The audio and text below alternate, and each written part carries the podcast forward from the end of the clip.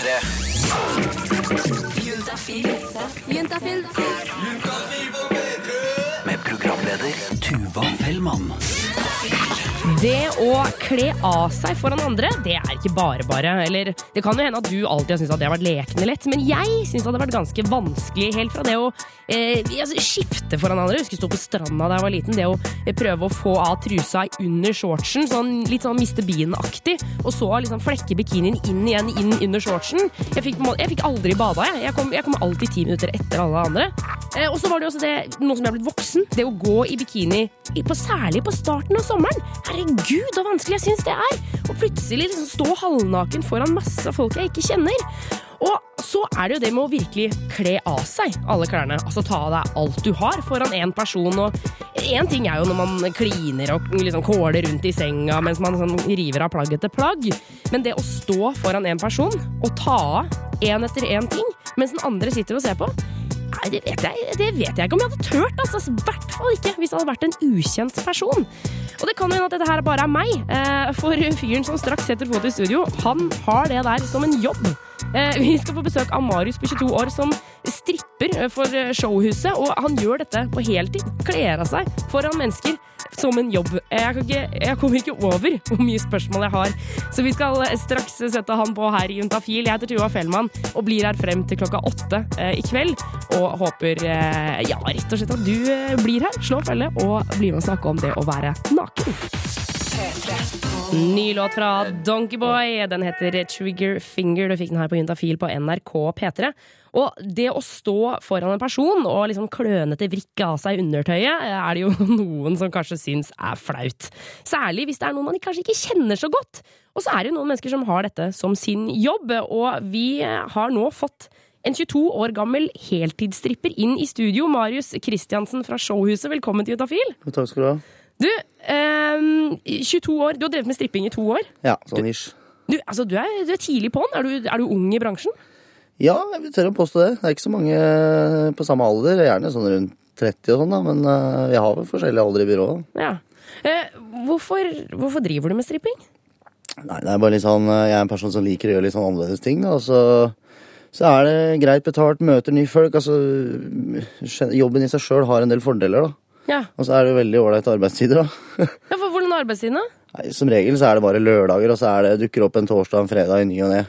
Ja, nettopp. Så får du kombinert hvis du er glad i eksempel å ta deg en fest, så har du alle muligheter til det, da, for å si det sånn. Ja, er det sånn at du blir igjen etter strippeshowet og begynner å drikke sammen med gjestene? Veldig sjeldent, men hvis de spør pent, og jeg har tidligst moderne siste jobben, så kan det godt være jeg sier ja til det. Eller på barshow når jeg reiser rundt i Norge og sånn, så pleier jeg å feste litt eh, etter showet og sånn, da. Men hvorfor starta du å strippe? Jeg har ikke noen sånn brågod forklaring på det, men jeg var bare på Sexhibition eh, i 2010. Og så blei jeg litt sånn gira på at det så litt kult ut da, når de gutta gjorde det på scenen der. Og så blei det bare som en sånn summende baktanke, da. Og jeg kjente ingen som dreiv med det eller noe sånt noe, men på en måte så kom jeg over en sånn side på nett der hvor det sto at det, det var et kurs på det, da. På stripping? På stripping, ja. Ja. Jeg tenkte jeg, faen, jeg må ha noe å gjøre, for jeg var arbeidsledig og sånne ting. Tenkte jeg må bare finne på noe. Så jeg bare kasta meg ut det, og så ringte jeg og sa at jeg var hypp på å gjøre show, eller liksom lære å showe og sånne ting. da. Og så møtte jeg da en eh, i byrået som har holdt på ganske lenge, en gammel traver i byrået sånn sett, da, og har 20 års erfaring med det.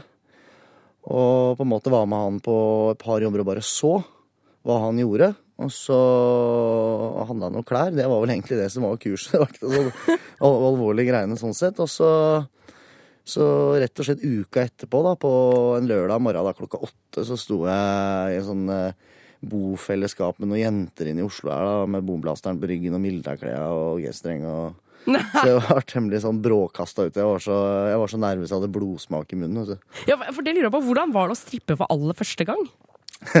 Jeg hadde liksom ikke laga meg noen forventninger på det da, før kvelden før, og da var det helt håpløst å sove av, da. Men eh, på en måte Det er Jeg vet ikke, for min noia, da. Sånn derre Jeg kan være så ærlig å si at eh, altså jeg kler jo fullt av meg på, på en eh, jobb, da. Hvis det er ønskbart eh, blant publikum. Og på en måte så så jeg liksom for meg at du skulle jobbe med noe sånt, og da må du ha et jævlig svært utstyr. da. Ja. Men eh, jeg har et helt vanlig utstyr, så jeg tenkte det var egentlig det min store bekymring var. da. Åssen i helvete det skal gå når jeg drar av med den G-strengen, da. Og de ser sånn, han har ikke en gigantisk tiss, liksom. Nei, nei, men det gikk helt greit, det. altså. De var veldig fornøyde med det det var, og gjorde showet. De dro eh, på en måte bruden ut da, da klokka var åtte om morgenen. Vi låste oss stille og rolig inn i leiligheten, satte på plass bomblasteren, så gikk jeg litt unna. Så tok de og gikk i senga dro et bind rundt øya på hun. Og så slepte jeg ut i stua på en stol, og så bare skrudde jeg på musikken. Og da begynte jeg å danse på denne dama her. Holdt ja, kanskje en ti-tolv minutter med showet, da. Jeg hadde dratt av bindet, for hun så helt forfjamsa ut, da. Nei, Okay. Og kasta gjestene rundt opp etter veggene der og hadde det veldig moro, da. og drakk champagne mens jeg showa. Og det syns de var helt knall. Jeg fikk kjempegod tilbakemelding på det. Og det var vel egentlig litt sånn svenneprøve nå fra byrået sin side, da. Ja. Så i og med at de var såpass fornøyde, på en måte for all del, bruden mente hun kunne bli vekt sånn hver dag. Oi, for, for ble ikke hun flau? Nei, hun ble ikke flau. Hun syntes det var jævla kult, da. Å ja. Så hun hadde ikke noe imot det der. Det var veldig sånn På en måte matcha personligheten hennes veldig bra, tror jeg, da. Ja, nettopp. Ja, det tror jeg, Da tenker jeg at du har eh, kanskje flaks med første, for jeg tror det, er, det må jo være mange som blir litt sånn småflaue. De fleste jobbene er, er sånn så som så, men det er veldig hva du gjør det til sjøl. Det er der på en måte profesjonaliteten kommer inn. Da. Om du har gjort mange show eller ingen, eller i forhold til hvor mye erfaring har du. For at da veit du hva som funker og ikke funker. Hvis gjestene gjesten ikke hyler hele showet, så ok, da må du gjøre et eller annet som får dem til å hyle. da. Ikke sant? Du må løfte litt på de og fekke litt doggystyle på de i sofaen. Og la, gjøre litt sånn humoristisk greie ut av det, så le litt og ha litt gøy. Bli litt trygge. Ikke bare for eksempel fokusere på bruden. For det er det de tror når stripperen kommer, at det er kun bruden som skal få, men det er jo ikke tilfellet i det hele tatt. Um, Marius, vi skal snakke mer med deg her i Juntafil om de pinligste oppdragene du har hatt noensinne. Og jeg, jeg sier at jeg må også etter hvert spørre deg om du blir flau på privaten når du skal kle av deg foran jenter. Men før vi får svar på det, så er det en dame som også liker å kle av seg, nemlig Miley Cyrus. P3. Dette er P3. Miley Cyrus med låta We Can't Stop. Og du hører på Intafil på NRK P3, og vi har fortsatt besøk av stripper Marius Kristiansen fra Showhuset. Marius, eh, du er bare 22 år.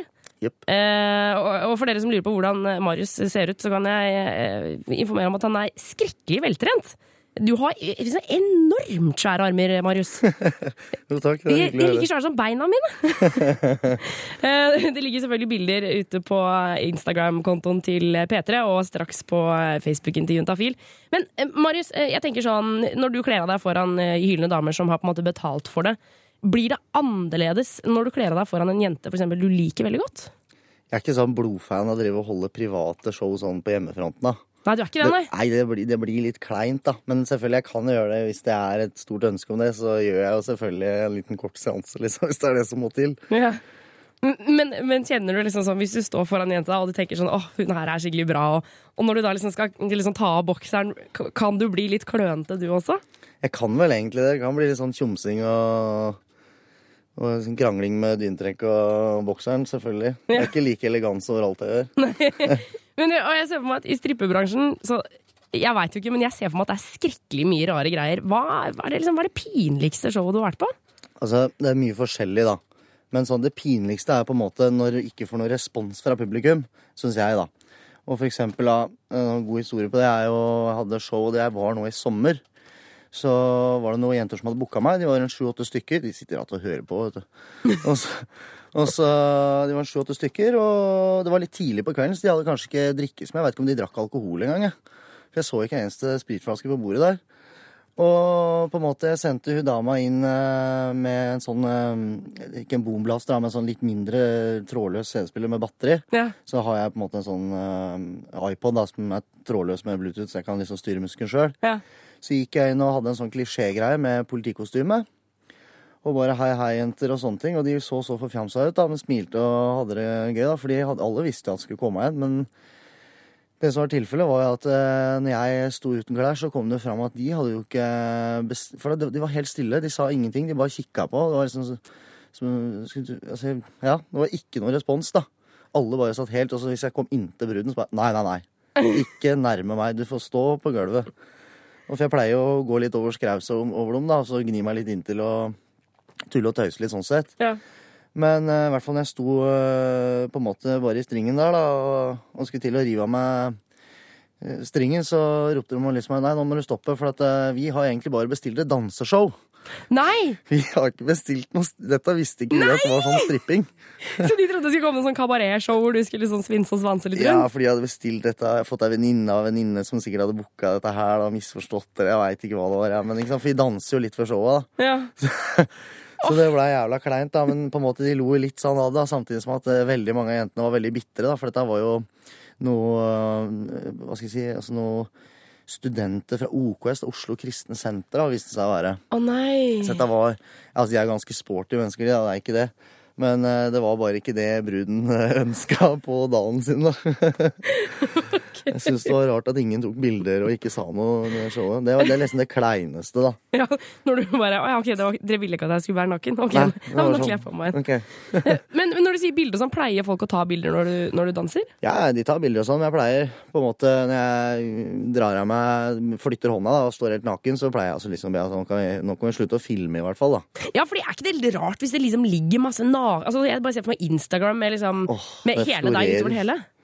Det er så mye bilder og taggings og alt mulig at det Ja, nei. Det er nok av det. Og, og hva skjer når du Hvis Si du har hatt et, et smashing strippeshow, og alle har på en måte hoia, og bruden er glad, og det som er. Eh, Hva skjer når du er ferdig? Altså, Hva gjør du da? Det som skjer når jeg er ferdig, er bare at jeg kler på meg sånn brått, for jeg har som regel en booking til etterpå. Sånn veldig tett på, så jeg bare kler jeg på meg bare så jeg står i bar overkropp og liksom får tørka litt. For jeg har smurt meg med babyol, er ganske kliss og fæl. Og så pleier jeg å gå tilbake, for da tar jeg liksom klærne som jeg har samla her, og så liksom sniker meg litt sånn unna, da, så jentene på en måte får fnise litt seg imellom og sånne ting, mens jeg kler på meg, som tar kanskje to-tre minutter. da. Så går jeg tilbake og så spør jeg noen som vil ha noen bilder og sånne ting, og vi gir kanskje bruden en klem og er litt høflig og hyggelig, og, for det er jo den store dagen, da. Ja. Er jo ikke bare, bare utrykningslag, det er veldig mye annet òg. Ja. Det er bare sånn godt eksempel, da. Og så lar jeg ta, ta litt bilder med stripperne, for det er jo litt sånn morsomt, det, da. Aha, ikke at det bare er under show, men at det blir sånn etterpåbilder. Og så takker jeg boken for meg og kler på meg igjen, og så tusler du døra etter jeg har fått penger i hånda. Så, så, og da er din arbeidsdag over? Med mindre du har et nytt show, da. Ja, men det pleier det som regel å være. Men hva, altså jeg må bare Et siste spørsmål her. Hva, hva, si du er ute på byen, eh, som vanlig Marius, holdt jeg på å si. Ja. Og, og du treffer en hyggelig jente. Dere kommer i prat. eh, du er nesten litt sånn på sjekkeren. Forteller du da 'jeg er stripper'? Litt opp og ned. Eh, på en måte, Jeg er ikke noe jeg sånn står og skriker ut, da. Nei. Men eh, det er jo ikke noe å legge skjul på, for det kommer jo fort fram, da.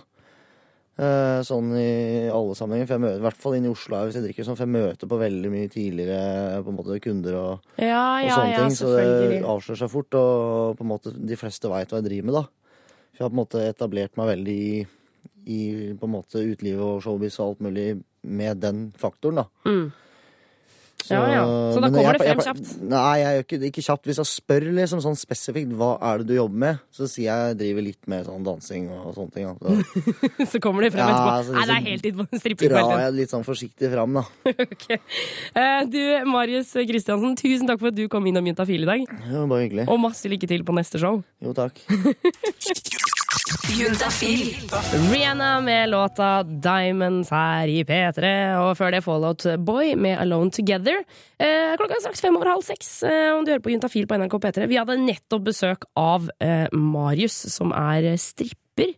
Eh, og du kan selvfølgelig se bilder eh, på Facebooken til Juntafil og Instagrammen til P3. For det, det, utseendet til Marius, det er akkurat som jeg trodde det skulle være. Eh, og det syns jeg er like fascinerende hver gang. Når man har en eller annen sånn litt eh, jeg, vet ikke om det er en kjip fordom, det, syns jeg ikke det er. Det er jo bare en tanke om hvordan han så ut, og han så sånn ut som jeg trodde. Du kan jo si deg enig eller uenig hvis du har lyst til det. Men Marius fortalte i hvert fall om det å kle av seg når folk betaler for det, og det var ikke noe sånn at han var flau over å kle av seg.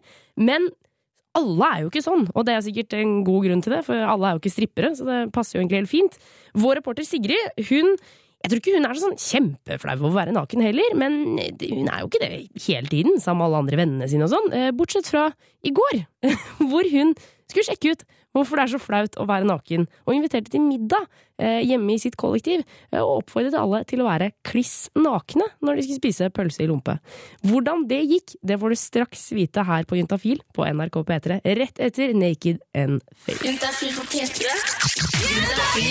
Heart Like Hours med, eller av The Naked and Famous. Og det er jo ikke jammen ikke så langt unna vår reporter eh, Sigrid Velle Dypøkt. Velkommen inn i studio. Takk for det. The Naked and Famous. Ja, jeg vet ikke om jeg er så veldig famous, og ikke naken nå heller, da, akkurat. Men du har vært naken. ja, Jeg har vært naken. Du, eh, for det er det det handler om i dag. Og eh, rett og slett ikke ha på seg noe særlig med klær. Syns du det er flaut å vise deg frem naken foran andre? Jeg syns egentlig det. Altså, det er greit i garderober og liksom sånne naturlige settinger, men jeg syns det er Har ikke noe behov egentlig for å vise meg mer enn det foran folk naken. Nei, det, det er ikke sant du liksom ja, det, det er sjelden jeg ser deg naken her i gangen, da, for å si det sånn. Ja, det kan du si. Jeg, er for det, jeg er helt fornøyd med det også. Jeg syns det har vært ukomfortabelt hvis folk var nakne på jobb hele tiden. Men det er noe med det at eh, jeg tenker at mange blir så innmari flaue når de er naken, og det er jo du, du vet du har holdt på med det siste døgnet. Å finne ut hvorfor man blir så flau når man er naken. Ja, jeg prøvde, å- jeg prøvde å finne ut av det, og så begynte jeg egentlig med å spørre folk på gata hva de syns. Nei, det har jo kanskje med sjøltillit å gjøre, da. At eh, folk ikke er bekvemme over hvordan kroppen sin ser ut. Jeg vet ikke. Det må jo være noe sånt. Guttene er redd for å ikke se ha nok muskler, og jentene vil bare være tynnere. Og tynnere selv om du er veldig fin sånn som du er. Vel, det er vel kanskje fordi at man, eh, man ser jo alltid feil ved sin egen kropp. Det overrasker meg ikke at det som folk syns er mest flaut med nakenhet, er at de er redd for hva andre syns om kroppen deres. Men det virker også som veldig mange syns det er flaut å se andre som er naken. Ja, det er vel ubehagelig. Hvorfor det? Jeg har ikke så lyst til å se andres nakne kropper. F.eks. toppløse på stranda. Jeg syns det er litt eh, drøyt. Jeg tar en telefon til professor i sexologi Espen Ester Pirelli Benestad for å høre hva han har å si om det her. Vi har jo en slags tradisjon for at det ikke er så bra å kle seg naken foran andre.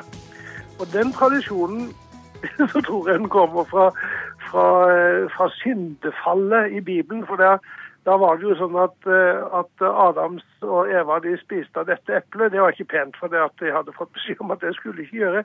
Men det som er veldig interessant, det er at, at de var jo da ulydige, ikke sant? Men samtidig så fant de ut at det var flaut å være nakne. Ja, og så dekka de seg til med fikenblad og sånn, gjorde de ikke det? De sitter jo der fremdeles, og, og, og vi har en slags sjenanse for kroppene våre. Og så har det gått litt i bølger. da. I 70-åra så hadde vi jo sånn at eh, seksualiteten ble friere, og, og det var mange glade folk. Og det var en slags frilynt nakenhet som gikk over landet, vil jeg si. Og så ble det borte igjen. Og bikiniene kom på, og klærne kom på. Og nå er det ganske ille, forstår jeg, for man vil ikke kle seg naken i dusjen, og, og riktig kjedelig er det. Ja, det er ganske kjedelig, og det er mye jeg syns er flaut med å være naken. Men jeg kjenner at en liten del av meg skulle ønske at det var mer sånn som det var på 70-tallet. Altså, Det trenger jo ikke å bli helt som i filmen til sammen for det. Så jag är ledsen, jag vet inte vad ni andra säger, men jag kan i alla fall inte föra ett normalt samtal om jag ska vara tvungen att titta på dig när du står där och visar upp hela apparaten. Det går inte. Apparaten, vadå hela apparaten? Ja, Jag fattar i alla fall inte varför det ska vara nödvändigt. att- Vadå, jag har svamp? Anna. Jag skiter i vad du har, Anna. Men man, man får inte ha tätt åtsittande kläder. Jag bryr mig inte om de medicinska förklaringarna. Man måste ha luft. Apropos luft oppi i selveste Trollheimen. Norsk Naturistforbund har omtrent 2000 medlemmer, og de er jo vant til å være naken hele sommeren uten å bli flau. Jeg snakker med Mona Anita Ringsrud fra forbundet for å høre hvordan de får til det her uten å bli sjenert. Ta det litt sånn pent å begynne med. Prøve en dag og komme tilbake dagen etterpå og prøve litt mer. Og så plutselig så er det helt naturlig å være sammen med en mengde nakne mennesker. Når du er innafor et lukka område, så er det ikke så veldig skummelt. Når du møter andre nakne mennesker, så ser du dem med øya, du ser jo ikke kroppen i første runde. Espen Ester Pirelli Benestad mener at vi burde feire ting som skjer med kroppen i puberteten, og at det kanskje hadde vært litt mindre flaut å være naken da. Og hvis vi hadde begynt å si til, til, eh, til eh, sønnene våre 'Å, så fint at du har fått hår på tissen'. Nei, men så koselig. Har du hatt sånn sedutømming om natta? Å, har du det? Hurra, da må vi kjøpe bløtkake. Og til jentene 'Å, nå ser jeg at puppene dine begynner å vokse'. Å, så fint det blir. Men da, har du fått mensen? Har du det? Ja, men da må vi feire det også. Hvis vi hadde gjort sånne ting, hvis vi hadde feira kroppene våre istedenfor å skal si, diskvalifisere dem, så er det klart at det ville gjort det mye mer stas å være naken. Ja, Sigrid. eh, mye mer stas å være naken hvis man eh, på en måte setter pris på det mer. Ja, jeg så merka at jeg hadde liksom lyst til at det å være naken skulle være mer naturlig etter jeg snakka med Espen Ester. Ja, nettopp. Så hva var det du gjorde i går? Bare litt kort fortalt her. Jo, fordi jeg tenkte jo det at kanskje jeg liksom kunne invitert med noen folk til å sjekke ut hvordan det er å være på nudiststrand, da. Men det har jo ikke akkurat vært så fint vær i Oslo i det siste. Så det jeg fant ut av, var at jeg rett og slett måtte invitere noen, noen kompiser eller venner eller hvem som helst som hadde lyst til å være med på en nakenmiddag. Og da endte det rett og slett opp med at det ble meg og to kompiser. Ikke sant? Og vi skal straks høre hvordan det gikk da eh, Sigrid inviterte på nakenmiddag hjemme hos seg sjæl rett etter Mikael Paskalev. Låta den heter I Spy, og du hører på Juntafil på NRK P3 på en torsdag. Juntafil med Tuva Fellmann på P3. Mikael Paskalev med I Spy, og det er fortsatt meg og eh, reporter Sigrid som står i studio her. Hallo, hallo. Hallo, hallo. Og uh, vi vi med, eller du hadde snakket med Espen Ester i stad, og da fikk du Du fikk nesten, altså jeg vil nesten si en oppgave å feire kroppen og nakenheten. Ja, det føltes liksom sånn ut når han sa det. tenkte at det her må jeg jo bare Jeg må jo bare lære meg det. Og feire kroppen og slutte å være så jævlig flau. Men det er jo lettere sagt enn gjort, da. Så um, når jeg fikk eh, Altså når vi tre som skulle gjennomføre det her nakeneksperimentet, kan du kalle det, eh, skulle møtes, så ja. Det var ikke helt eh, uskummelt. Wow! Sprang opp, du. Jævlig gira. Er det ikke grått, da? Er det ikke grovt, det som skjer? Rasshøl er ikke noe problem med det. Jeg kan vise fram rumpa mi til alle. Det er bare liksom tissen. Og så er det litt flaut hvis den er liksom litt liten og sånt. Og så Jeg hadde vært så ivrig på å prøve å få tak i noen som i det hele tatt ville være med på en nakenmiddag, at jeg hadde glemt litt hvor flaut jeg egentlig syntes det her var sjøl. Og da vi tre som skulle være naken sammen, var på plass, så merka jeg at jeg begynte å bli litt fjollete og anspent. Nei, faen i helvete, satan. Ok, Kan du gå bort mens jeg bare får kledd av meg litt? sånn? Kan komme ut fra toalettet naken nå. Ja, Men da har jeg lyst til å bare ta av meg med Ja, en gang. jeg må gjøre det òg. Og plutselig så sto vi der naken, da. Ja, det er kjemperart! Jeg så at de så! Jeg så. Ja, det var litt rart å være naken eh, med noen av sine beste kompiser på kjøkkenet. Men vi prøvde liksom å snakke litt om det, og så følte jeg at det løsna litt etter hvert. Jeg føler jo at jeg på en måte blir beglodd. Og så er det veldig vanskelig å vite hvor jeg skal se, for jeg har jo lyst til å se på kroppene deres, men, men vi kan jo kanskje ikke Da blir det jo bare mer ubehagelig for dere. Jeg vet ikke. Jeg har en blanding av litt sånn her, det er en blanding av frihetsfølelse og et eller annet udefinerbart. Men jeg ikke helt- Det er en usikkerhet her da, som er bare, bare skinner gjennom så jævlig. Men det blir litt Som sånn, gjør får litt rus av det òg. Ja. Vet du hva som er, vet du hva jeg savner? Jeg savner lommer. Hvis man, hvis man kunne hatt et slags snekkerbelte med sånne lommer på, Ja, det har du. Det. så hadde jeg vært litt mer komfortabel. For da kunne jeg liksom hvilt hendene mine et sted. Ja, men jeg føler at det å bare aktivisere seg det å Ja, vi må gjøre noe. Vi må lage lage vi. Vi lager mat.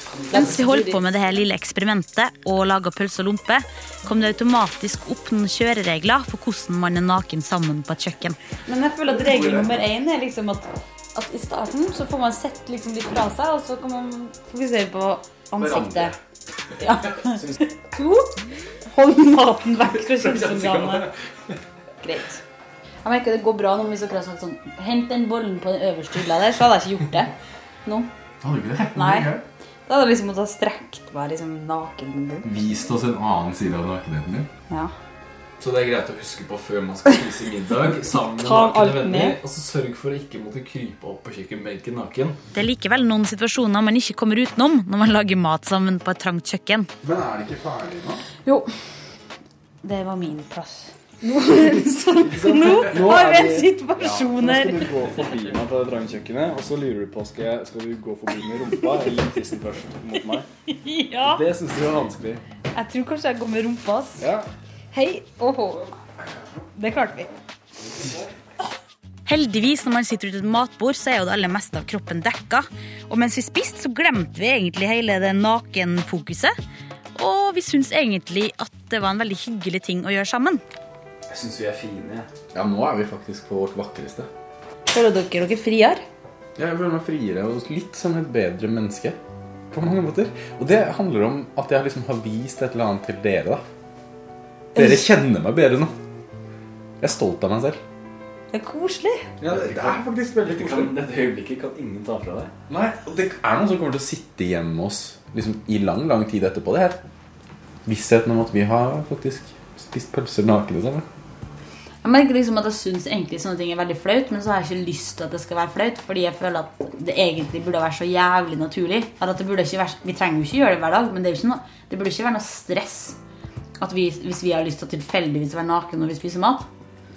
Og derfor gjør jeg det her. For å på en måte bare Jeg vil at det skal være naturlig. Konklusjonen må bli at det er mye som er fint med å teste ut andre settinger å være naken i enn de vanlige, trygge rammene.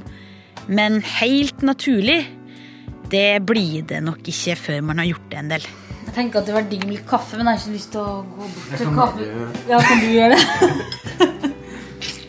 Bra. Rumpa til Lars.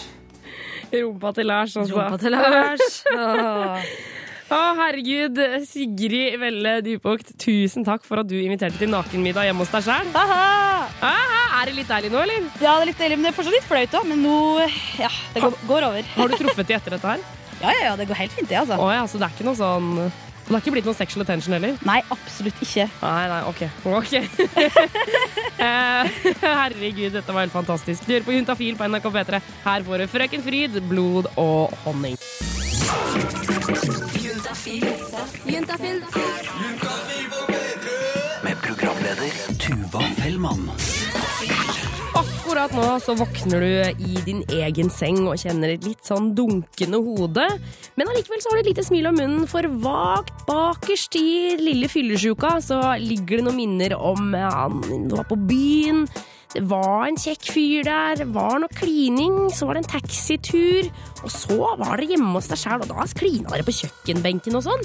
Eh, Og du ligger i senga og kjenner at ok, du ligger ikke helt alene i senga heller. Han er her fortsatt, eh, og det, og det lille, det litt sånn nervøse, men koselige smilet kommer i fjeset ditt. Helt til du plutselig kom på hva som skjedde under sjølve akten. For sammen med bilder av denne taxituren og den digge klininga på kjøkkenbenken, så husker du også setningen Nei, eh, vi bare driter i det, vi bare gjør det uten. Og du kommer også på den der fiklinga med kondomet som du bare ikke fikk til, og skjønner nå at du har hatt sex uten kondom. Og da kommer jo spørsmålene som perler på en snor. Det bare det renner inn. Har du klamydia? Er du gravid? Hvor kan du sjekke det? Hvor får du kjøpt angrepille? Alle disse spørsmålene som ligger der og ulmer som små sinte menn inni hodet ditt. Og alle disse svarene de kan du få gjennom oss her i Juntafil. For straks så kommer vår syslege Ida inn i studio. Hun skal svare på alle spørsmålene dine. Enten om de er om p-piller, eller om de er angrepiller, eller forelskelse, eller utroskap, eller penisring, eller hva nå enn du måtte lure på. Send en SMS til 2026, kodeord juntafil. Husk å ta med kjønn og alder i spørsmålet ditt, for vi får aldri vite hvem du er. Så derfor så trenger vi kjønn og alder. Spør om akkurat hva du vil når det kommer til sex, kropp og følelser. Få svar på dine spørsmål om sex, kropp og følelser. Send melding til kodeordyntafil til 2026. Og inn i studio har vår syslege Ida kommet. Velkommen tilbake, Ida! Hallo, hallo, takk. Er det ikke alltid hyggelig å komme til Juntafil? Jo, det er så koselig. Jeg føler meg så velkommen. og Ida, du jobber for noe som heter SUS, som står for Senter for ungdomshelse, samliv og seksualitet. Stemmer. Um, og du som hører på, du kan sende inn uh, dine spørsmål. Jeg og Ida vi får aldri vite hvem du er. Vi har ikke sjans i havet. Um, så du må ta med kjønn og alder på SMS-en din, så får vi litt sånn oversikt. Og vi må bare, altså, vi, Jeg må starte med denne SMS-en som vi har fått inn, hvor det står Hei, fikk bare så lyst til å fortelle at jeg har fått en skikkelig orgasme for første gang i går kveld. Herlig. Har onanert eh, siden jeg var 13, men aldri fått det sånn til! Hilsen kjempeglad jente, 15 år. Ja, hun har knekt koden, da. Hun har knekt koden. Bra for henne. Da er det bare å jobbe videre. Herregud. ja, det blir- det blir ikke Det, det blir jo kanskje bedre enn dette også, men eh, Ja, det det virker som det går veldig bra. Jeg blir, jeg blir sånn varm i hjertet når jenter får orgasme, og de er sånn stolte av det. Ja, er det? Eh, Men vi har fått inn en SMS til eh, fra jente19, hvor det står Hei, tenker på å få eh, p-stav. Koster det noe? I så fall hvor mye? Hvem snakker jeg med? Lege, helsesøster eller helsestasjon? Ja, så bra at hun tenker på det. P-stav er jo Ja, først og fremst, hva er det? Ja, det er en liten plaststav. Altså, den er, ser ut som en litt tykk, hvit hvor skal jeg si hvor stor den er, da? Den er et par millimeter tykk, og så er den ca. fire centimeter lang. Lite plastrør, hvitt, som man setter eh, under huden på overarmen. Bare litt over albuen. Liksom i underhuden. Rett under huden. Du kan kjenne den der. Og da ligger den og gir fra seg hormoner. Og den kan ligge der i tre år. det er et av de tryggeste, aller tryggeste prevensjonsmidlene vi har. Og for da, kan man, da blir man ikke gravid når man har den lille staven? Nei, det er eh, omtrent umulig. Men vil den synes? Altså, plutselig så får jeg den der Hva det det heter, det der folk som driver og opererer sånne jernkuler inn i panna og sånn, som er på en måte en ny sånn ja, frikegreie? Nei, den vil som regel ikke synes. Altså, den legges liksom inn i, i fettvevet i underhuden. Eh, og, men den kan kjennes, da, og det er jo veldig greit, for da vet man jo at den er på plass, og at den er lett å fjerne igjen. Så den ligger ganske overfladisk, men den skal ikke synes utenpå. Eh, den koster litt penger. Eh, den koster ca. 1200 kroner. Eh, men du må jo tenke på at den sitter inne i tre år. Ja, for- Så i forhold til å kjøpe p-piller, eh, eh, så er det faktisk mye billigere. Jeg betaler 250 kroner for mine p-piller. Det her er jo helt hårreisende. Nettopp. Så den koster omtrent det samme som de billigste p-pillene gjør, hvis du tenker for, for tre år av gangen. Ja. og ca. en tredjedel av det de dyreste p-pillene koster. Men hvem er det jente 19 kan snakke med? Er det fastlegen hun skal gå til? Ja, hun må få en resept av en lege på denne p-staven. Eh, og så må hun også finne noen som kan sette den inn. Og noen fastleger setter inn p-staver, ikke alle. Eh, det er ofte liksom de legene som gjør det ofte, de setter p-staver. Så noen leger setter p-staver, og andre ikke. Hvorfor ikke? Eh, Det, det er litt fordi at eh, man skal helst gjøre det en del ganger, da, for å på en måte beholde teknikken og Så det, ah, ja. derfor så er det noen leger som pleier å gjøre det òg, ikke sant. Ja. Men, men hun bør i hvert fall snakke med fastlegen sin, og så få en resept, og så kan hun også kanskje få litt informasjon, hvis ikke fastlegen vil sette inn selv, om hvor hun kan få satt inn. Nettopp. Vi sier masse lykke til til jente 19, og du der ute kan sende inn ditt spørsmål du også. 2026, kodeord juntafil. Husk å ta med kjønn og alder på SMS-en din. Her får du Churches med Gun på P3. Juntafil til 2026. Syslege Ida, er du klar for flere spørsmål? Oh ja. Oh yes. Vi har fått inn en SMS hvor det står eh, Nei, vet du hva, nå mista jeg den der. Helle måne. Har du den foran deg? Ja. Her, vent da. Hei. Eh, hei, jeg er en gutt på 18 år og har seksuelle fantasier om mora til en på jobben. Eh, burde jeg spørre henne om hun kunne tenke seg å ha sex? Ja, godt spørsmål. Jeg sier nei. Det er mitt, eh, min liksom, eh, hva det heter, eh, plutselige følelse. eh, Ja. At jeg får lyst til å svare. Jeg tenker for det første så er han nok ikke den eneste som har havnet i denne situasjonen. Um, det virker jo som det er en betydelig aldersforskjell her. Uh, og det er jo ikke uvanlig at man kan ha fantasier om både noen som er en god del eldre enn seg selv, og yngre. Så i dette tilfellet er det jo faktisk bedre at han har fantasier om en som er eldre enn en som er yngre. Mye yngre, i hvert fall. Ja, siden han bare er 18.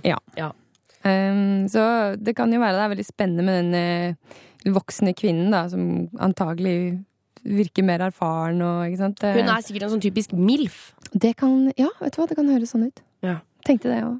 Um, men eh, han spør jo om han burde liksom konfrontere henne og spørre om hun har lyst til å ha sex.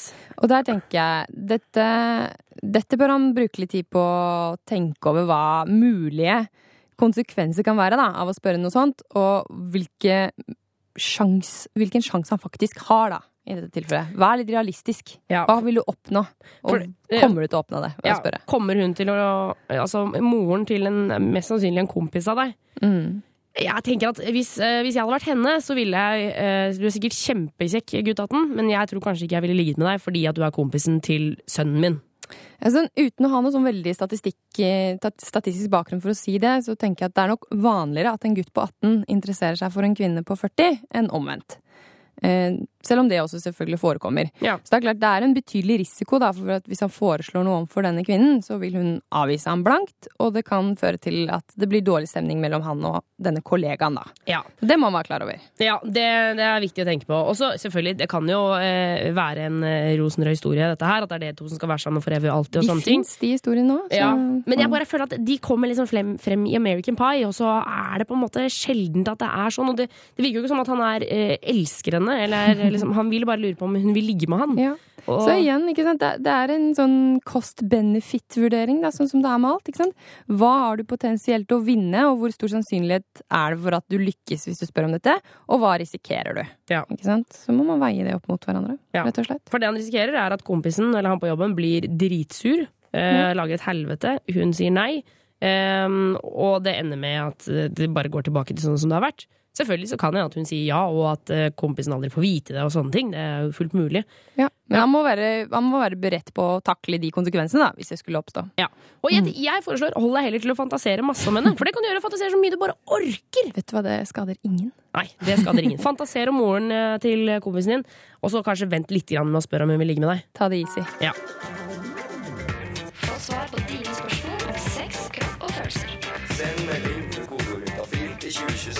Og jeg synes, Gida, det er ikke jeg som skal svare på spørsmål, det er det du som skal gjøre. Vi får prøve det. Siden jeg ikke er lege, mener jeg. Eh, Så tror jeg det er lurt at jeg eh, eventuelt bare kommer med småtips. Eh, Vi har fått inn en SMS her eh, eh, hvor det er gutt, 19 år, som står Hei, jeg tenner veldig på analsex, og partneren min har akkurat gitt meg grønt lys i baklu bakluka. Eh, Hvordan skal jeg gå frem? Det er første gang jeg skal prøve dette, og jeg er veldig nervøs. Kan jeg få avføring på penis? Ja. Det er eh, mange som er nysgjerrig på å prøve analsex. Mm. Eh, så det er ikke alle som prøver det i praksis, men veldig mange er nysgjerrig på det. Eh, og jeg tenker det viktigste her er jo på plass, og det er at de har pratet om dette, og de er klar på at dette er noe begge er villige til å prøve. da. Ja, for, for det vi ofte sier om analsex, er jo at det på en måte er sex for litt viderekomne. Ja. Det er ikke noe man gjør på et one night stand eller noe sånt noe. Nei, og det er ikke noe alle egentlig Det er ikke noe alle har lyst til, så det er jo viktig da at begge føler seg komfortable med å prøve det ut. Ja. Og det er det jo her, ikke sant? Ja, som du sa. Nettopp. Eh, Så har jeg jo noen tips der i forhold til hvordan man skal gå frem. Det som er på en måte forskjellen, eller den største forskjellen mellom analkanalen og vagina, da, er jo at det er litt andre typer bakterier der. Eh, I tillegg til at det er mye trangere. Det er en ganske trang muskel som på en måte stenger For dette her, her skal jo på en måte avføringen ut. Og da er den muskelen til for å hindre at avføringen går ut når den ikke skal. Ja. Eh, Så sånn sett så er det viktig både at man er påpasselig med hygiene, bruker kondom, eh, og at man er veldig forsiktig når man går frem, for det er trangt. Det er trangt, og, det er kanskje et tips for henne at hun mm, passer på å gå på do først. Det- At hun ikke er liksom sånn, nesten litt sånn bæsjatrengt når hun skal ha ligge med han. Absolutt. At hun ikke f.eks. har løs avføring, kan være lurt å tenke på. Og gå på do først. Og hvis de er veldig redde for dette med, med bæsj eller avføring på penis, så går det an å ta litt vann opp på fingeren og så vaske litt rundt, da. Ja. I forkant. Men, men det viktigste er jo at de er forsiktige når de setter i gang. Man bruker glidemiddel og varmer ordentlig opp, kanskje med en finger eller to, før selve penis. Ja, Og at man, gjør nesten som, som i vag- ja, liksom sånn, nesten fingrer, på en måte. At man Ja. tar fingrene inn og ut sammen med, med glidemiddel på fingrene. Ja. Sånn at hun blir liksom vant til denne følelsen og slapper godt av, da. Ja. Eh, og så selvfølgelig stopp opp hvis det gjør vondt. For det tar litt tid før måte, den trange muskelen som sitter rundt der, får tid til å vie seg litt ut, da. Ja, nettopp. Mm. Så eh, skal det Altså, skal det være litt vondt, eller skal det ikke gjøre noe vondt i det hele tatt? Ja, du, det der det er vanskelig å svare på. Altså Det er klart, det, det skal ikke gjøre veldig vondt, fordi da det fører bare til at man strammer mer, øh, og at det bare blir stadig mer plagsomt, ikke sant? Men det er nok naturlig at det kan, at det kan ta litt tid, at det kan være litt ukomfortabelt, og at man må liksom for eksempel holde fingeren der litt før det slipper opp, da. Ikke sant? Um, men hvis, for noen stopper det helt opp, Uh, og da er det som når man legger ut på tur, det er aldri for seint å snu. Ja, da er det faktisk lov å si vet du, jeg angrer meg. og Det gjelder jo Det er viktig at eh, gutt 19 sier det til kjæresten din. At uh, hvis du plutselig ikke vil allikevel, så må du bare si fra, så stopper vi når som helst. Ja, Og det gjelder jo for han òg. Ja, selvfølgelig.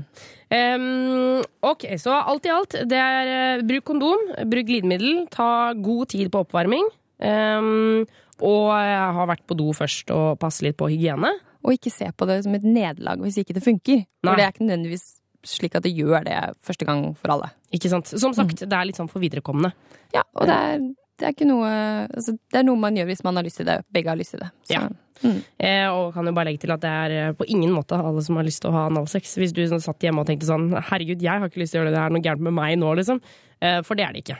Absolutt ikke. Absolutt ikke. Nummer inn er 2026, kodeordet er juntafil. Eh, Still dine spørsmål om sex, kropp og følelser. Så får vi bare si masse lykke til til eh, gutt 19. Lykke til. Her får du Muse. Muse med Panic Station her på P3. Tuva Fellmann heter jeg, og du hører på Juntafil på P3. Eh, og vi svarte nettopp på en SMS om en gutt på 19 som lurte på dette med analsex for første gang.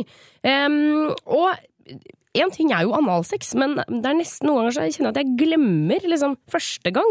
For det er jo ikke bare ved analsex man er nervøs. Det er jo det å ha sex for aller første gang er jo også rimelig nervepirrende. Og når det først er gjennomført, så er det jo ikke alltid det er supervellykka. Eh, Vi traff tre gutter på HV-festivalen som eh, turte å fortelle om all, sin aller, aller første gang. Um, litt kleint, kanskje. Uh, visste ikke helt hva man skulle gjøre, men uh, det var jo uh, Angra jo ikke, da, for å si det på den måten. Ja. Uh, Det var vel sånn å si at det var skikk... Det er den mest nervøse og kleine ting du kan gjøre, men etterpå så er du så lykkelig som du aldri har vært før. Skikkelig avslappa, varm og chill, og bare føltes som du fløy på en sky av glede, liksom. Jeg husker bare, Det var jævlig deilig, men det var jævlig varmt, husker jeg. Det var midt på sommeren, og uh, hun, jeg, hun jeg gjorde det med, var så jævlig varm i, på kroppen. husker Jeg Jeg tenkte å, fy faen, så varmt dette her er, og svett. Det er vel det jeg Egentlig den følelsen jeg husker mest fra min første gang. Varmt og svett fra gutta på HV-festivalen der, altså. Eh, Jeg syns eh, Ja, det er jo ikke alltid det er en innertier. I hvert fall ikke første gang. Her får du Sierra med låta 'Overdose' på P3. P3. Dette er P3. Og eh, syslege Ida, du er jo her i studio sammen med meg. Eh, Ja. Hele denne timen mellom seks og syv. Det er så koselig. Eh, det er så bra. Og du, jeg tenker sånn, eh, du er lege. Jeg tenker Legestudenter dere går jo for å være de mest ivrige studentene. Mm. Eh, de, de som sitter liksom med briller og notatblokk overalt. Og Vi er faktisk utrolig nerdete. Ja, det er det på ordentlig? Vi er det på ordentlig. Det er ikke tull. Men, og det, jeg setter jo veldig pris på det når jeg er på sykehuset. Så tenker jeg sånn, Det er veldig fint at du ikke var en sånn sprelsk dude som drakk deg drita på Tequila hele tiden. eh, under studietida. Jeg er også glad jeg ikke var en dude. Ja, ja, ja jeg tenkte sånn, Nå skal ikke jeg opereres av deg, håper jeg da. Eh, Mm. Jeg håper ikke jeg skal på sykehus heller. Ja. ja, ja, Drit nå i det. I hvert fall så føler jeg at dere lærer så mye ting som vi eh, dødelige, holdt jeg på å si, aldri får vite. Det er mange fun facts, altså. Ja? Ja, det var eh, apro, eller, Apropos, det var en ting jeg syntes var litt morsomt eh, på forelesning. Eh, vi hadde om eh, kvinnelige og mannlige kjønnsorganer. Ja. Så lærte vi at skrotum, eller egentlig populært kalt pungen, der er det ikke noe underhudsfett. Eh, på resten av kroppen så er det alltid sånn lite fettlag ikke sant, under huden, men det er det ikke på pungen. Eh, og det kan, og, egentlig ikke på penis heller. Så det kan være grunnen til at eh, pungen og penis ofte har litt mer sånn rødlig farge enn resten av huden. Oh, ja, for da kommer kjøttet på en måte tydeligere frem? Og så ligger det en sånn liten muskel i underhuden istedenfor fett. Og det muskellaget det gjør at pungen trekker seg sammen når det er kaldt. Og også penis, så du får sånn badetiss. Ikke sant? Nettopp! Ja. Og grunnen til det vet vi jo er jo for at, eh, fordi, for at spermen skal liksom fungere Og best mulig. skal daue, liksom. Ja, så Mm. må det være en temperatur som er bitte litt lavere enn i resten av kroppen. Og de, den musklene, eller de muskelfibrene i underhuden, de sørger for at eh, pungen alltid er eh, inntil, så, inntil kroppen eh, i forhold til hvor kaldt det er, da, ikke sant? Ja, For den skal alltid holde 37 grader og Eh, 36 grader, ja. Oh, ja, Omtrent. Mm. Okay. Så den driver og regulerer det, ikke sant? Så derfor så har du en pung som henger høyt eller lavt, avhengig av hvor kaldt det er ute. Mm. Og så har jeg sett litt grann på klitoris også. Eh, for klitoris er jo da den mest erogene sonen hos kvinner. Det vet de fleste. Mm. og det er også det organet på kroppen av både kvinnekroppen og mannekroppen som har mest nervefibre per eh, liksom, areal. Å, ja. Størst tetthet av nerver, da. Eh, så det er superfølsomt. Selvfølgelig, så det, det er på en måte Jeg har hørt liksom at eh, nesa, for eksempel, har masse Der er man veldig liksom øm, på en måte.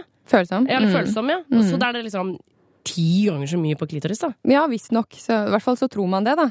Eh, og da kan man jo tenke seg at eh, hvis man hadde vært like Hvis man hadde kunnet få orgasme for eksempel ved samleie, da, og vært like følsom inni skjeden, så hadde det vært ekstremt vondt å føde! Å ja, å herregud! Å herregud! Det må jo være deg Eh, eh, Det må jo være da Det går jo, da kan man jo ikke føde, da, hvis man Nei. hadde vært like følsom. Så det er en ganske sånn funksjonell grunn da, til at klitoris liksom sitter litt oppå, altså utenfor fødekanalen. Ikke sant? For hvis Mm. ikke så hadde man jo nektet å føde. Men hyener føder faktisk gjennom klitoris. Nei! Det er sant. Er det sant? Hva er det med de dyra der, da? De er jo helt gærne, hele gjengen. Ja. Føder gjennom klitoris. Dette er veldig nerdete, altså. Å, herregud. Og det er veldig rart. Hyener, ass. Det er en eh, Ja, det er en egen rase, selvfølgelig. Det er en egen rase, det òg. Her kommer Imagine Dragons Radioactive på P3.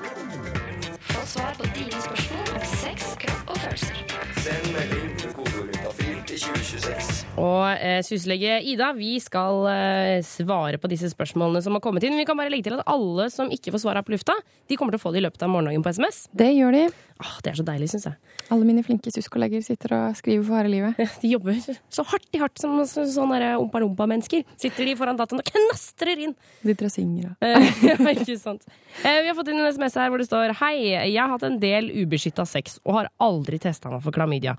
Hva er konsekvensene av å ikke teste meg, og hvor drar jeg for å få denne sjekken? Hilsen gutt 22. Nei! Fy! Du må sjekke deg etter hver gang du har hatt ubeskytta sex. Du kan ikke gå rundt og smitte masse jenter. Jeg er enig. Men nå tar han faktisk ansvar, da. Ja, jeg veit det, men jeg bare tenk hvis det var meg du lå med, og jeg fikk klamydia. Ja, ikke sant? For Han spør hva konsekvensen er, og selvfølgelig, den hovedsakelige konsekvensen er jo at han står i fare for å gå rundt og smitte utrolig mange med klamydia, da. Ja. Når han ikke sjekker seg. Ja. Eh, og konsekvenser, ja. Altså, ikke sant? I og med at dette er litt sånn lumsk sykdom som de fleste ikke merker, eh, så kan man ende opp med å gå rundt og ha dette veldig lenge når man først får det, hvis man ikke tester seg. Ja. Eh, og for særlig jenter da, så kan det ha ganske alvorlige konsekvenser. Eh, det kan gjøre at de rett og slett eh, blir sterile, ikke, altså i hvert fall for vanskeligheter med å kunne bli gravide senere. Mm. Eh, og også kan gjøre at de får sånn eggledebetennelse, som også kan gi kroniske smerter i underlivet, faktisk, hvis man går med ubehandlet klamydia lenge. Det høres jo kjempedramatisk ut. Hvor, altså, hvor lenge snakker vi om at man går med klamydia da, for at dette skal skje? Det, det er, varierer jo selvfølgelig fra jente til jente, litt sånn hvor disponert man er. Eh, men det kan være alt fra noen uker og gjerne litt lenger, da. Gjerne noen måneder før man får dette. Ja, ok. Mm. Så, men hvis man går med det et år, er det da liksom da er det no chance back? Eller way back? Jo. Det er, det er en liten andel som får den underlivsbetennelsen. Ikke sant? Så det er en stor andel av damer som har klamydia, som ikke får det. Ja. Men du kan aldri vite om du er den jenta eller ikke, da. ikke sant? Mm. Eh, For noen jenter får dette, og det går også an å få sånn underlivsbetennelse uten at man faktisk merker så mye symptomer. Så det er, det er skummelt. Ja. Eh, Og når det gjelder menn, så noen Det er ganske sjelden, men menn kan få betennelse i bitestikkel. Eh, Og det kan faktisk også føre til nedsatt eh, fruktbarhet. Da. Ok. Men og, eh, nå beklager jeg, gutt 22, her var jeg veldig streng med. Da fikk jeg litt dårlig samvittighet her. Du er, veldig, du er veldig bra at du tar ansvar nå. Det er kjempefint. Men det er et veldig viktig poeng, som du sa, Tuva. At, ja, men ikke sant? I og med at det er ofte er få symptomer, da, ja. så er det veldig viktig å teste seg etter hver gang man har hatt sex uten kondom med ny partner. Ja. Og hvor kan gutt 22 gå for å få sjekka seg for, eh, for klamydia? Det er gratis for han å teste seg. Det kan han gjøre hos fastlegen. Eh, han kan Nå er han, over, han er 22, så han er over 18. Eh, da er det ikke alle helsestasjoner for ungdom eh, som tar imot han. Men hvis du er under 18 år, så kan du gå på helsestasjon for ungdom og teste deg. Ok, Men er det alltid gratis hvis man går til legen? Altså, Er det gratis for meg som er 26, for eksempel? Alle som har hatt samleie uten kondom med unik partner, får gratis test for klamydia. Ok, ja, Det er jo positivt, da. Så da skal man ikke betale noe når man går til legen den gangen? Verken for test eller for eventuell behandling. Ja, Da må man stå på krava der. Ehm, og hvis det viser seg, bank i bordet, at gutt 22 har klamydia, Ja. hvordan, kjapt, hvordan blir han kvitt den? Da får han en antibiotikakur, vanligvis eh, over en uke. eh, Og så må han ikke ha sex i den uka. Eh, Og så er han som regel kvitt den. Men da gjelder det å bruke kondom neste gang, så du ikke får det på nytt. Nettopp. Gutt 22, jeg syns du er flink nå. Sånn der, sånn man sier i sånne AA-møter og sånn. Jeg ser deg nå. Eh, Jeg tror dette kommer til å gå bra. Gå og test deg. Gå og test deg, og det er bra du tar ansvar eh, nå. Det er bedre, det er bedre sent enn aldri. Få svar på dine spørsmål om sex, kropp og følelser. Send melding til kodeordet til 2026. Og eh, syslege Ida, det er ikke lenge til du skal pakke snippveska og dra, men før det så skal du få eh, være med på et siste spørsmål. Eh, og her står det Hei, gutt 22 her. Jeg var sammen med dama i fem måneder. Den siste måneden var jeg dårlig til å vise følelser overfor henne og hadde liten sexlyst. Hun var da utro, møtte en fyr ute, tok han med seg hjem og hadde sex, og hun var edru. Mitt spørsmål er er det min feil at hun var utro, og var det riktig av meg å gjøre det slutt? Ja. Mm, eh, det er aldri noen Altså, man kan aldri ta andres handlinger Ta ansvar for andres handlinger på den måten. Nei. Så jeg tenker at eh, han på tross av at måte situasjonen kanskje var litt vanskelig i forholdet og sånn, så er det jo hennes valg da å gå ut og ha samleie med en annen. Ikke sant? Hun har ikke lov til å være slem med han bare fordi at han hadde liten sexlyst. Nei, han kan i hvert fall ikke på en måte ta det på sin kappe, at det er hans ansvar eller hans feil som fører til det, for det er hennes valg å gjøre det. Ja, og, og jeg tenker sånn, at Hun burde jo heller kommet til han og sagt eh, vi har for lite sex, du viser eh, for lite følelser overfor meg. Eh, At hun heller burde gjort det på den måten enn å bare gå og ligge med noen andre. Selvfølgelig, det ville jo vært mye bedre antagelig for de to da, at hun hadde gjort det på den måten. Ja. Men det er jo umulig å si akkurat hva som er grunnen til at hun gikk hen og, og var utro. Det er jo ofte litt sånn komplisert eh, hvorfor folk gjør ting som de vet kanskje ikke er bra, da. Ja, men vi vi får jo ikke med oss hennes side av historien, Nei. her, så det må vi bare ta med i beregning at den kan vi på en måte ikke forholde oss til her. tenker Men, jeg. men det blir på en måte feil at han skal tenke at dette er hans feil, for han kan ikke ta ansvar for, for hva hun gjør, tenker jeg. Det, det er Mm. nesten ja, Det er jo ikke det samme, da, men sånn barn og foreldrene skiller seg, og de føler skyldfølelse, så er jo det på en måte ikke sånn man, Alle må passe på hverandre, eller på seg selv, og Ja. det man gjør, det er ditt valg. Det er klart, men noe annet blir jo selvfølgelig å ta ansvar for at det forholdet de er i, er godt. Ikke sant? Eh, Det er jo begges ansvar igjen, ikke sant? Så da det var litt vanskelig, så, så, så Eller når det er vanskelige perioder, så er det på en måte litt begges ansvar å snakke om det. Ja. Ikke sant? Um, men eh, Og så spør han også var det riktig av meg å gjøre det slutt. Eh, Og det, det blir jo et litt vanskeligere spørsmål, fordi eh, det er jo klart at for mange så er jo dette med utroskap det er en deal-breaker, da. Mm. Kanskje særlig hvis man har vært sammen i litt kort tid. Mens for andre igjen så, så kan det faktisk være situasjoner der den ene har vært utro, og dette var noe som var en glipp, og man snakker igjennom det, og begge kommer frem til at ok, på tross av dette så vil vi fortsette å være sammen. Ikke sant? Så, det er jo mulig, på en måte? Ja, ikke sant. Men igjen, det avhenger jo helt av hva som har skjedd, og det avhenger av disse to menneskene og hvordan de føler at det kommer til å bli, da, og om de i det hele tatt takler å, å fortsette å være sammen. Ja. Mm. For, for, ikke sant? Var det riktig av meg å gjøre det slutt? Jeg, jeg tenker sånn, hvis, hvis du selv ville gjøre det slutt, så var det Mm. riktig av deg. Hvis det var sånn at du tenkte jeg kan aldri være sammen med denne jenta igjen, det, det, det, altså, hun har ligget med en annen, jeg er ikke komfortabel med å ligge med henne igjen, altså, jeg klarer ikke å stole på henne, da tenker jeg da er det helt riktig å gjøre det slutt. Hvis han gjorde det slutt i sånn enormt sinne, Mm. Eh, liksom sånn at, eh, Akkurat som når Carl I. Hagen skriver liksom Twitter-meldinger, at det er liksom Mm. sånn man gjør det i en sånn kjempesinne. Ja. Eh, så er det jo noe med, da kan man gå tilbake og tenke sånn Ville jeg egentlig slå opp, eller hadde jeg taklet denne utroskapen? Og kunne vi jobbet oss gjennom det? Så det blir på en måte spørsmål han må stille, da. Så dette handler jo litt for han om å tenke gjennom hva var grunnen til at han gjorde det slutt. Hvordan ville han sett for seg eventuelt at det ville gått hvis han ikke hadde gjort det slutt? ikke sant? Og, Mm. og bli trygg på den beslutningen. da. Og det er klart, hvis han er veldig usikker og trenger en del svar på det som skjedde og sånn, så går det an å ta kontakt med den jenta og prøve å få prate litt ordentlig ut om det. Ja, det virker jo som at de kanskje ikke har pratet så mye om dette. At det, Nei, det det er jo lurt. sånn. lurt. Men igjen, sant, han sier at de har vært sammen i fem måneder. Og hvis hun er Altså, Jeg ser for meg et forhold i type fire år, da, og på liksom en eller annen glipp hvor dama ligger med en annen fyr på liksom det tredje året. Så, så Mm. det er nesten sånn at jeg tenker at det er annerledes, selv om jeg ikke vet om det stemmer. Men fem måneder, og hun er utro i fjerde måned, Ja. det er jo veldig tidlig, da. Det, det, de setter jo et brudd på tilliten, liksom. Det er, det er nok eh, tidligere enn det som er aller vanligst. For de fleste vil jo på en måte Ikke sant? Denne Ofte har man en sånn stormende forelskelse som kanskje da roer seg når hverdagen kommer. Og det varierer jo selvfølgelig hvor lang tid det tar, men, men det er nok litt sånn som du sier at det, det typiske er kanskje sånn å ha sånn to-tre års krise, ikke sant. Men igjen, det avhenger helt på hva slags situasjon de var i, og, da, og hvordan hun eh, Ja. igjen. jeg vi, kan, vi kan jo ikke svare på om det er hvorfor det ble sånn. Nei, men Mm. eh, jeg tror, Gud gutt 22, jeg tror det er viktig at du eh, Det virker som at det fortsatt er liksom noen følelser involvert her, og da tror jeg det kanskje er lurt at du setter deg ned sammen med jenta og sier 'dette må vi snakke om'. Eller prat, prat med kamerater. Tenk, deg, tenk igjennom dette, men selvfølgelig, hvis du har veldig mange spørsmål til henne, og om henne og deg, så prat med henne. Ja.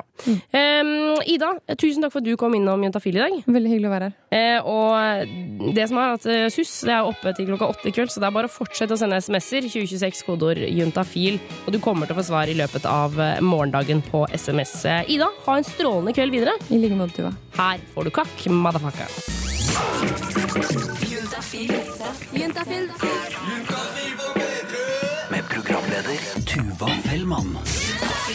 Det stemmer. Klokka den er blitt eh, fire over syv om noen små nette sekunder. Og det vil si at det er en eh, god time igjen av Juntafil.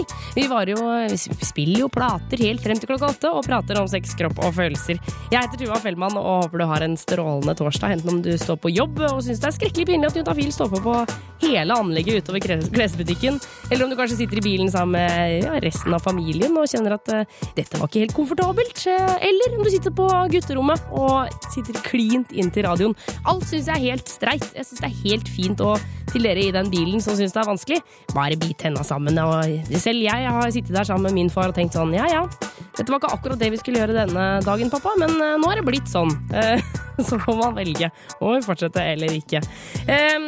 Straks så kommer vår reporter Sigrid inn i studio. I løpet av neste time skal vi også dele ut våre fantastiske, mye elskede og omtalte juntafil-kondomer. Det er selvfølgelig mulighet for å vinne de hver eneste uke når vi er på radioen. Så bare hold deg her. Eh, Men akkurat nå skal det ja, rett og slett danses litt. Juntafil. Oh, det var Avicii og Allo Black med Wake Me Up. Og reporter og produsent eh, Sigrid, eh, du virka litt på rockefoten til den låta har du? Ja, litt. Rønne. Det, det skal jeg innrømme. Ja, nettopp. Eh, Velkommen tilbake i studio, Sigrid. Takk for det. takk for det. Eh, Du har drevet og trykka og ledd bort på dataen, eh, dataen din nå en stund. Ja, jeg har ledd, men jeg, liksom, jeg er ikke helt eh, sikker på hva jeg egentlig har gjort. Men jeg fant en eh, video på YouTube som hadde fått eh, og liksom tre millioner likes. Eller ikke likes, men views. Eh, og den heter Kid finds mom's dildo. Så tenkte jeg ha-ha, det her er bra, det her blir bra. liksom, Det her blir flaut. Men det som er at det er en kjempeliten gutt, jeg vet ikke hvor gammel han kan være, kanskje fire år eller noe, som har funnet dildoen til mora si. Og den dildoen, den, altså, det ser ut som den er satt sammen av fire dildoer, for den er så svær. Altså det er en halvmeter dildo, liksom. Ja, og det er som en slange. Han, driver han tenker sikkert at det er en lekeslange eller et eller annet, og driver og deiser den rundt. da.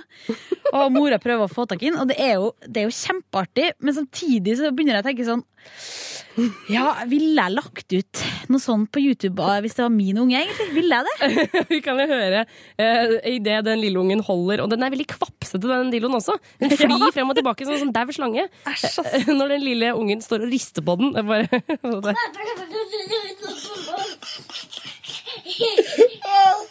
Give me that back now. Give it here now. Come please stop stopp! Og moren løper liksom rundt eh, i rommet der etter den lille ungen. Ja, for hun vil jo ha han tilbake. Ja, det altså, Men jeg, altså, Vi har selvfølgelig lagt ut denne videoen på Facebook-sida vår. Bare søk opp Juntafil, så finner du den. Men altså, det er ikke vanlig å ha så svære dildoer, er det det? Nei, det er ikke helt vanlig. Og så tenker jeg liksom, hva med han lille gutten? Når han blir 14-15 år, så, så finnes det en YouTube-video der han driver og springer rundt med ikke bare en vanlig dildo som liksom man kan finne i skuffa, men en enorm slangeslapp rar dildo. Det er, en- det er en anakonda, liksom. Og pappaen sitter og filmer og ler seg skakk i hjel. Men, men jeg skjønner jo også frustrasjonen til moren. eh, Det er sånn der, Idet man finner sexleketøyet, eller noen finner det, og man blir sånn der Nei, nei, vent, vent, vent, stopp, stopp, stopp! Ikke, det, ikke- det er ikke mitt. Jo, det er mitt, men altså, du må bare slippe Og da når far står og ler, så skjønner jeg jo på en måte frustrasjonen, da. Det er kanskje faren som har lagt ut videoen på YouTube? Det kan virke sånn, eh, for det er han som filmer. Eh, Artig. ah, ja. De skal for åpenheten, da. Ja, det, altså her, her inviterer man inn, inviterer man inn i eh, soverommet til denne familien. Eh, videoen ligger selvfølgelig ute på Facebook-sidene, som sagt, så det er bare å stikke inn og kommentere gjerne hva du syns, om det er flaut, eller om det bare er veldig, veldig, veldig morsomt. Tre. Tre. P3. Dette er P3. Al J med låta Breeze Blocks. Idet klokka er blitt seks på halv åtte. Og jeg, Tuva Fellmann, har fått eh, reporter Sigrid Velle Dybbukt eh, inn i studio. Hei, hei! Du, eh, Dypbukt. Ja, det navnet der, vet du, det Hvor kommer det fra, liksom? Det er en plass som heter Dypbukt. Er det det, ja? Ja, men det er veldig mange som syns det er veldig artig, da. For eksempel Fingeren, når han var innom P3, han syntes det var veldig artig at det går an til et dyp bukt. Jeg får en, sånn. eh, om det er lov å si, eh, vaginareferanse Ja, på det ordet. Ja, det han fikk òg, Ja. og syns beltesprekket òg, som vi har i nyhetene, var kjempefestlig. Ja, og så har vi jo han som er eh, vaktsjef for Verdens rikeste, heter jo Brødholt. Eh, Så det er mye artig, artig etternavn her i P3. Ja, det er ingen tvil om. Um, men Sigrid, du har ikke kommet for å snakke om etternavnet ditt, vet du? Nei, jeg tenker at vi må jo få sendt ut noen kondomer til folket. Ja, vi må det. altså. Vi har, Det er det viktigste vi gjør. ja, og, og det som er at vi har jo så eh, Vi har mye kondomer, eh, men det må, vi må sitte og pakke de én og én. Eh, Ja, det er du veldig flink til. Jeg, jeg er kjempegod til det. Eh, og, og da pakker man de inn i liksom sånne små eh, papirpakninger. Og, og jeg føler meg litt sånn sånn svenske som skreller bananer. Men jeg tror jeg hadde klart meg godt som en sånn svenske, fordi jeg syns det er ganske gøy å gjøre det. Hvis jeg får sitte og pakke kondomer en hel dag, så er jeg jo jeg er helt i slaget på kvelden. Jeg. Ja, Du begynner å bli skikkelig maskin òg. Ja, jeg gjør det. Eh, men eh, hvordan skal vi få delt ut disse kondomene i dag? Ja, det er konkurransetid, da, vet du. Selvfølgelig. Ja. Vi har snakka med Asbjørn Slettemark om hans favorittkroppsdel. Og hvordan kroppsdel er det? Ikke sant. Så det du må gjøre, det som hører på, det er at du må nå finne frem mailen din, skrive inn adressen juntafil, krøllalfa, nrk.no. Og så må du skrive ned navn og adresse, så vi veit hvor vi skal sende kondomene. Og så må du komme med svaret.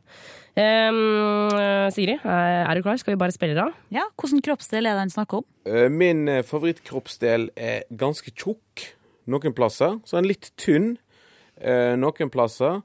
Og så har han av og til på seg et slags eh, futteral på enden. Og så er det to tegninger på han. Uh, og de tegningene de handler om ei ugle og en drage, som er henta fra Jobs bok i uh, Bibelen. Så det var altså uh, beskrivelsen av Asbjørn Slettmarks uh, favorittkroppsdel. Hmm. Send av gårde til juntafil.krøllalfa.nrk.no. NRK.no husk å få med adresse, og da selvfølgelig svaret. Eh, enn så lenge så skal vi En gang så må vi få hun her til å eh, beskrive sin favorittkroppsdel, eh, Sigrid. ja. Ja, Det blir mitt mål for, eh, for neste uke. Margaret Berger får du her med I Feed You My Love på P3. Det var Emilie Nicolas med låta Stereo. Um, og eh, reporter og produsent Sigrid. Hallo, hallo. Hei. um, du, uh, vi er jo midt i dette å dele ut disse fantastiske Juntafil-kondomene. Yes. Uh, og vi har hatt en konkurranse.